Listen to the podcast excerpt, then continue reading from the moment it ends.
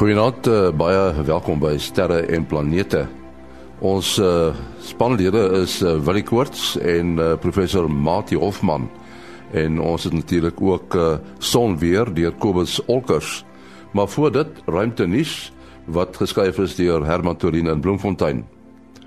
As jy ooit sou wou weet of die son op die maan toksies is of hoe die aarde se vroeë atmosfeer saamgestel was, kan jy dit nou gratis op 'n webwerf van NASA oplees.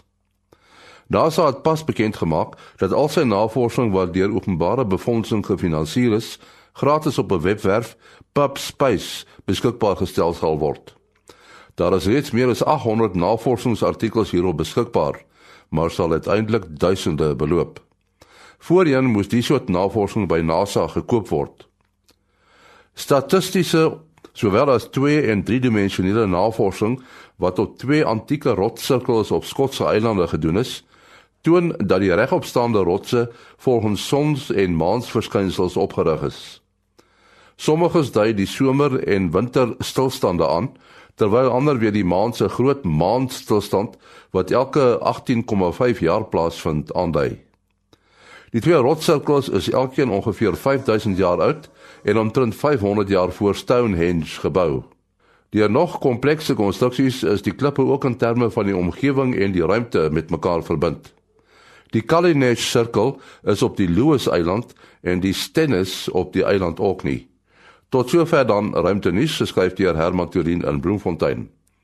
Nou Kobus Olkers in Florida, Amerika. Kobus? Ja, die son is hierdie week maar stil. Uh, ons het verlede week so 'n bietjie van 'n korona gat invloed gehad, soos ons kan onthou.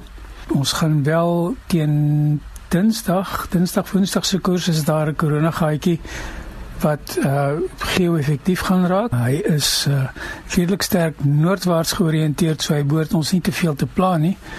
Uh, ek bedoel net die sonwind wat van hom afkom sal ons nie te veel plan nie omdat dit in dieselfde rigting wys as die aarde se magneetveld. Dan wat ons uh, magnetiese areas aanbetref, hulle is baie eenvoudig.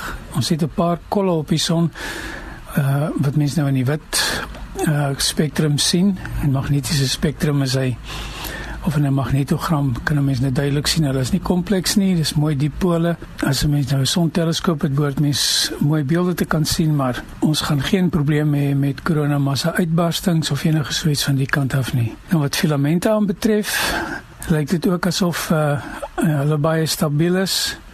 Dan as ons nou 'n bietjie verder vooruit kyk, uh, met die stereo satelliete, dan lyk dit ook nie asof daar uh, enige baie aktiewe areas op pad is nie. Daar's wel twee groot uh, groterige koronagate. Ehm um, wat ons so teen die einde van die week, uh, Saterdag, Sondag se koers kan begin beïnvloed. Dit was uh, Kobus Olkers in Florida, Amerika. Ja, ons het uh, weer die span hier by ons. Dit is uh professor Mati Hofman daar van die Universiteit van die Vrystaat, die Bodensterrewag en die Digitale Planetarium. Willie Koorts van die Suid-Afrikaanse Astronomiese Observatorium. Nou Mati, daar was nou groot nuus. Ehm uh, ESA het mos nou die nuuskonferensie gehou oor hierdie fonds uh, naby Alpha Centauri. Ons het verlede week al begin praat oor die planeet wat om die ster wentel. So uh wat het nou nie bygekom? Weet ons nou meer, Mati? Uh ja, en die laasweek was daar gerugte dat daar 'n aankondiging sou kom dat 'n span van sterrekundiges uh, onder leiding van ESO, die Europese European Southern Observatory, 'n aankondiging sou maak uh van 'n planeet breedweg gestel aardagtig in die bewoonbare sone van Proxima Centauri. Uh en dan net om die luisteraars te herinner, Proxima Centauri is natuurlik die naaste ster aan uh, uh nie aan die aarde nie, maar aan ons sonnestelsel. Die son is natuurlik ons naaste ster. Proxima Centauri is deel van die, groepie Alpha Centauri uh A en B uh wat ons saam as Alpha Centauri sien, die een van die die helderste van die twee wysersterre van die suiderkruis. So ons kan dit nou vroeg aan so in die suid-suidweste sien deur 'n amateur teleskoop sien mens nou die twee sterre Alpha A, uh, Alpha Centauri A en Alpha Centauri B. Proxima Centauri kan mens nie met 'n klein teleskoopie sien nie. En dis 'n ster baie dowwer en kleiner as ons son. ek uh, as ek my reg herinner ongeveer 2000 mal dollar as as ons son. En dan nou het 'n groot groep van ongeveer 40 sterrekundiges het dan nou bevestig dat daar 'n planeet met 'n massa van net meer as die aarde uh, se massa uh, is in 'n baan wat waar die temperature dan sodanig is dat vloeibare water sou kon bestaan. Nou dis min of meer wat bekend was. Mens moet daarom noem wie's die uh mense wat nou 'n rol gespeel het onder andere van die Queen Mary Univers uh, University of London en dan ook uh, van Harvard Smithsonian uh Center for Astrophysics in Amerika, maar dis nou maar net twee van die instellings wat betrokke was as 'n hele klomp uh, klomp ander. Uh so dit lyk na 'n baie groot ontdekking wat dan nou ook in Nature uh, die gesaghebende natuurwetenskap tydskrif waarin uh, belangrike nuwe ontdekkings gerapporteer word uh, uh, verskyn het. Ja, wat vir my interessant is, ek onthou Japie van Sel het eendag gesê as jy mens nou kyk na daai groep uh, Alpha Centauri en so voorts en 'n mens neem nou die uh, die snelhede waarteen dinge om die aarde beweeg. Ek praat nou van satelliete en so aan. Tipies 29000 km per uur. En jy sou daai snelheid gebruik as 'n maatstaf om na die naaste ster te reis in die ruimte wat nou Alpha Centauri in die groep is. Dan gaan dit jou 80000 jaar vat. So ek weet nie waar kom die ouens daaraan dat hulle moontlik so toe sou kon gaan nie. Ja, dit bly 'n groot probleem wat 'n uh, mens wel uh, miskien meer realisties oor sou kon droom is om op sê nou maar 'n nanotuig, 'n nanosatelliet uh, wat maar 'n paar gram weeg te kan stuur en te versnel tot uh, 'n merkbare breekdeel van die spoed van lig kom ons sê nou maar 10% die spoed van lig uh, en dan sou dit moontlik wees om binne een geslag uh daai tuig tot daar te kon stuur en dan moontlik inligting terug te stuur. Vir die inligting gaan dit net uh 4 of bietjie meer as 4 jaar neem om hier te kom of vir die tuig om daar te kom gaan dit dekades vat. Kom sê nou die breedte van die spoed van lig sou kan kom. Maar vir 'n bemande ruimtetuig bly dit heeltemal wetenskap fiksie om oor so iets te kan droom. Paar was daar nou groot ontdekkings kom oor wat ons oor hoe uh, wurmgate waardeur mens kan uh, tonnel deur ruimtetyd. Ehm uh, maar dit is ook maar meestal spekulasie. Uh, die ding dat daar 'n uh, planeet om om 'n uh, sterwentel wat moontlik water kon hê. Dis nou belangriker as wat hy in die sogenaamde goue lokkies gebied is of, of is dit maar dieselfde? Ja, dit dit is maar dieselfde. Uh nou vloeibare water is sover as wat ons lewe verstaan en vir ons kan voorstel die mees essensiële ding wat nodig is vir lewe maar dit op sigself is nog nie genoeg nie. Uh, jy moet gaan kyk na die atmosfeer, jy moet gaan kyk na die ruimtestraling. Uh praat jy van lewe onder die uh, onder die oppervlak? Dit kom ons dink nou byvoorbeeld aan hierdie uh, planeet wat hulle dan nou Proxima uh, b noem. Sy afstand vanaf sy ster is maar 'n skrale ongeveer 7 miljoen kilometer waar die aarde 150 miljoen kilometer is. Nou alhoewel die temperatuur nou soortgelyk kan wees, het jy dan nou die uh, uh intens baie intenser ekstrale wat jy daar kan verwag weens uitbarstings op die ster en ons weet ekstrale is nie goed vir vir lewe nie. So om jou teen daardie sterwind te beskerm, sou jy 'n baie sterk magneetveld moet hê en uh, dis heeltemal te vroeg om te sê of daar so 'n magneetveld by daardie planeet is. Uh maar omdat dit 'n uh, planeet is wat dan relatief naby aan ons is, dan met sy ster uh, is die hoop nou uh, groot dat in die volgende aantal jare hulle baie meer inligting sal kan bekom en dalk ook selfs inligting sal kan bekom oor uh, waaruit sy atmosfeer bestaan, hoe dig sy atmosfeer is, is daar suurstof. Ja, lyk my wil jy uit 'n periode van 11 dae as ek reg. Ja, dis korrek 11.2 dae en dit het ook te doen met sy ontdekking. Ehm um, ja, miskien miskien daar's daar's drie goed wat ons weet nou van die planeet. Ons weet sy massa as gevolg van sy wentelbaan uh, wat is natuurlik so ons weet sy rotasieperiode die twee gaan hand aan hand en dan die die afstand van van die ster af soos Mati genoem het so 7.5 miljoen kilometer. Dis omtrent 'n tiende van die afstand tussen die Mercurius en die son. So dit is eintlik baie baie naby, maar die ster is maar die helfte so warm soos ons son en en 14% die deursnee. So dis maar eintlik 'n baie 'n klein klein sterretjie. Ja, so ja, op 'n 2 dae die periode wat hy so dit is sy jaarlengte. Uh ons kan natuurlik nie die daglengte bepaal nie want ons kan nie bepaal of daar 'n uh, rotasie is nie. Um een van die van die uh probleme, moontlike probleme vir lewe is dat uh, die planeet is is uh, 10 teen 1 uh, uh wat hulle noem gravitasie ge, gelok, gravitational lock soos ons maan wat altyd dieselfde kant na die aarde toe wys wat gaan beteken dat net die een kant van die ster uh, van die planeet wys na die ster toe die ander kant is dan altyd in skade weer. En uh, dit maak uh, natuurlik lewe en die, en die verspreiding van temperatuur rondom so 'n planeet nog 'n bietjie uh, meer ingewikkeld. Die ontdekking van hom was vir my nogal interessant. Uh is al reeds 16 jaar gelede wat hulle begin werk het en uh, agtergekom het dan daar is hierdie 11.2 dae periode in sy rooi verskywing. Rooi verskywing is natuurlik nou wat ons praat van die Doppler effek wat jy ook in lig sien. Uh ons ken almal 'n ambulans wat verbyry en jy sien die nood verander en daardeur kan ons uh, kan die die die verkeersbeamptes ons vang dees daar deur klank van die voertuig af te bons en dan kan hulle jou spoed bepaal. So ons sterrekundiges is uh natuurlik uh, hierso hemelse speedkop so hulle kan uh, dan uh, hierdie baie mooi bepaal. So uh, die afgelope 16 jaar soos ek sê toe spektrograwe sensitief begin genoeg geraak het dat hulle dit kon sien. Uh um, het hulle die verskywing gesien. en mense vra hoekom het so lank gevat om hom te ontdek? Uh die die tipe ster waarom hy beweeg is is 'n M dwergster M is 'n baie uh, rooierige ster. En uh, die sterre is uh het ongelooflik ongelooflike uitbarstings. Nou soos Martin nog genoem het, ons praat iets soos 400 maal die uh straling van daai ster sy planeet op hierdie planeet nou as vergelyking met wat ons op die aarde ont, ontvang van die son af. So hulle moes uh, toe nou 'n tweede manier doen om seker te maak dat die data nie uh, deur uitbarstings op die op hierdie ster beïnvloed word nie. So hulle moes basies fotometrie doen. Dit is basies net die die die uh helderheid van hierdie ster uh, van uh, Proxima Centauri in die geval baie baie akkuraat bepaal.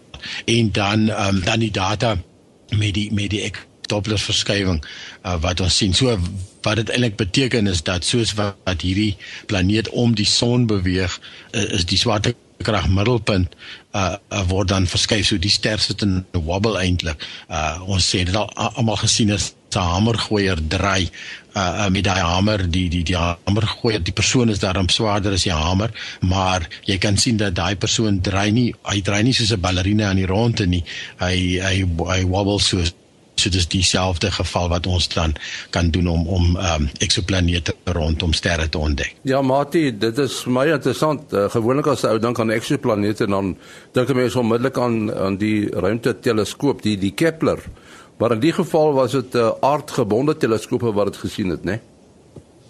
Uh ja, dit is hoe die ontdekking van eksoplanete begin het, was met hierdie uh Doppler metode en verlang was dit die mees effektiewe uh metode gewees. Die Kepler teleskoop maak nou van 'n ander tegniek gebruik, die transit tegniek, maar dan moet jy nou baie gelukkig wees dat die opleiding van die planeet en sy ster so is dat die planeet presies in die siglyn tussen jou en die ster kom en dan 'n klein bietjie van die lig van die ster uh, uh verduister. Jy kan dit dan nou optel deur bloot die ligintensiteit te meet, dan werk dit nou nie met die verskywing in die golflengte van die lig nie, maar in die helderheid van die lig is maar sien nou maar 0,01% of dalk 0,1% uh, wat die sterretjie dowwer word terwyl die planeet voor hom is. En nou dis wat die Kepler teleskoop gebruik het en dit was uh, uh, baie sensitief geweest. Die probleem met albei die tegnieke is dat dit nou sensitief is vir 'n sekere soort planeet uh, en dan die sensitiefste vir die planete wat baie naby aan hulle sterre is, nader as die aarde, uh, om 'n aardagtige planeet te, ontdek op op 'n af die astronomiese eenheid afstand uh, van ongeveer wel waar hy periode het van ongeveer 'n aardjaar, sal jy ten minste 3-4 jaar lank data moet uh, uh, moet kry. Maar dit is tog al verbasend dat Eh, dat hulle nie vroeër tot hierdie gevolgtrekking kon, eh, kon kom nie maar dit is omdat die ster baie dof is en dan nou hierdie komplekse eh, gedrag het soos wat hulle ver, verduidelik het. Ja, dit is 'n merkwaardige uh, ontdekking want dit is nou analoog gebruik sê nou maar mense vermoed daar's uh, weet diamante op jou uh, op jou plaas en jy ontdek 'n baie groot planeet net om die eerste hoek, dan gaan jy dink, maar daar's dalk baie sulke diamant uh, op die groter uh, gebied. Uh so mense sou dan nou kon uh sê behalwe as ons net eenvoudig baie gelukkig was, is daar waarskynlik baie sulke sterre uh wat dof en klein is wat dan sulke tipe planete het tyd sal sal leer maar bloot uit 'n statistiese oogpunt is dit uh, uh baie waarskynlik dis net jammer wel nou seker sin nie jammer nie dis 'n blye uitdaging om dan nou meer inligting te bekom maar uh dit is nou wat die mens uh, goed doen om sulke uitdagings te hê want dit lei tot die on ontwikkeling van nuwe tegnologie en dit hou ons seker ook uit baie kwaadheid as ons ons met sulke soort uitdagings besig hou So van uitdagings gepraat, uh, Willie. Dis seker nie so 'n uitdaging om die sonsverduistering, die gedeeltelike sonsverduistering te sien nie, né? Die uh, 1 September, so dit is nou eerskomende donderdag, so hier deur die loop van die oggend. Uh mense wat nou nog hulle ou verduisteringsbrilletjies het van vroeë jare, kan dit gebruik. Uh, uh, uh ek sien die planetarium in Johannesburg maak ook van hulle te koop uh, beskikbaar en uh, uh jy kan ook uh, uh miskien jou welders bril gebruik. Nou nie nou nie vir vir um jou jou breisbril nie, jou jou arc weld, so dit is jou uh, uh daai een wat so baie donker is, uh nommer 14 verkieslik om na die om die uh, sonsverduistering te volg. So hoe verder noord jy is, hoe, hoe groter rap uit die son gaan jy sien so vir Johannesburg sit omtrent so 50% van die son uh, maksimum net net so na 11 in die oggend. Uh dis nou die 1 September, donderdag en uh Durban is so 45%, Bloemfontein 42 en hier in die onder in die Kaap is dit my so 26%. So die verduistering begin so uh, hange waar jy is so erns tussen 0.30 kwart voor 10 uh gaan die eerste happie uit die son uit verskyn so rondom 11:00 in die Kaap is dit byvoorbeeld kwart voor ehm uh, in ehm um, uh, Durban is dit kwart oor 11 is die grootste uh, happie uit die son uit en dan en dan so by 12:00 uh kwart voor 1 se kant is is alles weer oor ja so mense kan gerus uh, probeer kyk en dit volg en dan's daar gas allerlei goedjies wat jy kan doen jy kan ehm um, uh byvoorbeeld gaan kyk na die skade wees onder 'n boom. Dit is gewoonlik die interessantste een soos wat die uh, lig kolletjies wat nou met die volle son sien jy nou ronde kolletjies en, uh, en met so 'n verduistering is alles sulke klein halfmaandjies. So dit is een van die goed wat jy kan oplet en fotos neem van. Maar as ek sê pas net jou oë baie mooi op, moenie moenie met jou donkerbril probeer kyk of uh met ou ekstra plate of film of so nie. Daai is alles gevaarlike goed. Die jy red na jou jou uh, red na nie gevoel nie en jy bring daai skade aan sonder dat jy weet en uh, jy kry ongelukkig net een paar oë. Jy kan nie nog 'n paar oë gaan kry agterna nie. En waar is die volledige sonsverduistering dan? Ja, so dit is hieso so deur Middel-Afrika. Uh, ek is nou nie presies seker van die staat, maar omtrent so net mooi die halfpad van die uh, van die kontinent van Afrika. Dan dan loop hy nou natuurlik reg van die Weskus deur na die Ooskus toe uh in 'n strook, maar interessant genoeg selfs daar gewoonlik uh, as jy by hierdie strook is, het jy 'n uh, totale sonsverduistering. Uh wat beteken dat die maan maak die son presies mooi toe. In die geval uh, is die maan verder van ons af in sy baan, maar sy baan is effens ellipties, wat beteken dat dit is maak nie die uh, son mooi toe nie. So dis 'n sogenaamde annular of of annular eclipse, uh, uh of 'n ringverduistering, uh sodat daar altyd 'n ring van sonlig rondom die maan uh, sal sigbaar wees. So dit gaan nie uh presies donker word uh um, met hierdie in hierdie in hierdie geval nie. Die naaste wat die totale verduistering aan ons kom is daar in die noordooste van Mosambiek en Madagaskar. Hy gaan net so onder die eiland Reunion deur en dan Tansanië en die en die Kongo. So dis maar ver. Uh, maar as daar iemand is wat mag reis en wil reis, dan kan hulle maar seker in die uh, noordooste van Mosambiek gaan kyk. Ons moet afsluit. Uh, wat is jou besonderhede? Ja, mense kan bel, SMS of WhatsApp 0724579208. 0724579208. En Mati? Uh selfoonnommer 0836257154. 083 625 7154. En my uh, e-posadres maas.henny@gmail.com maas.henny@gmail.com. Tot uh, volgende week. Alles van die beste.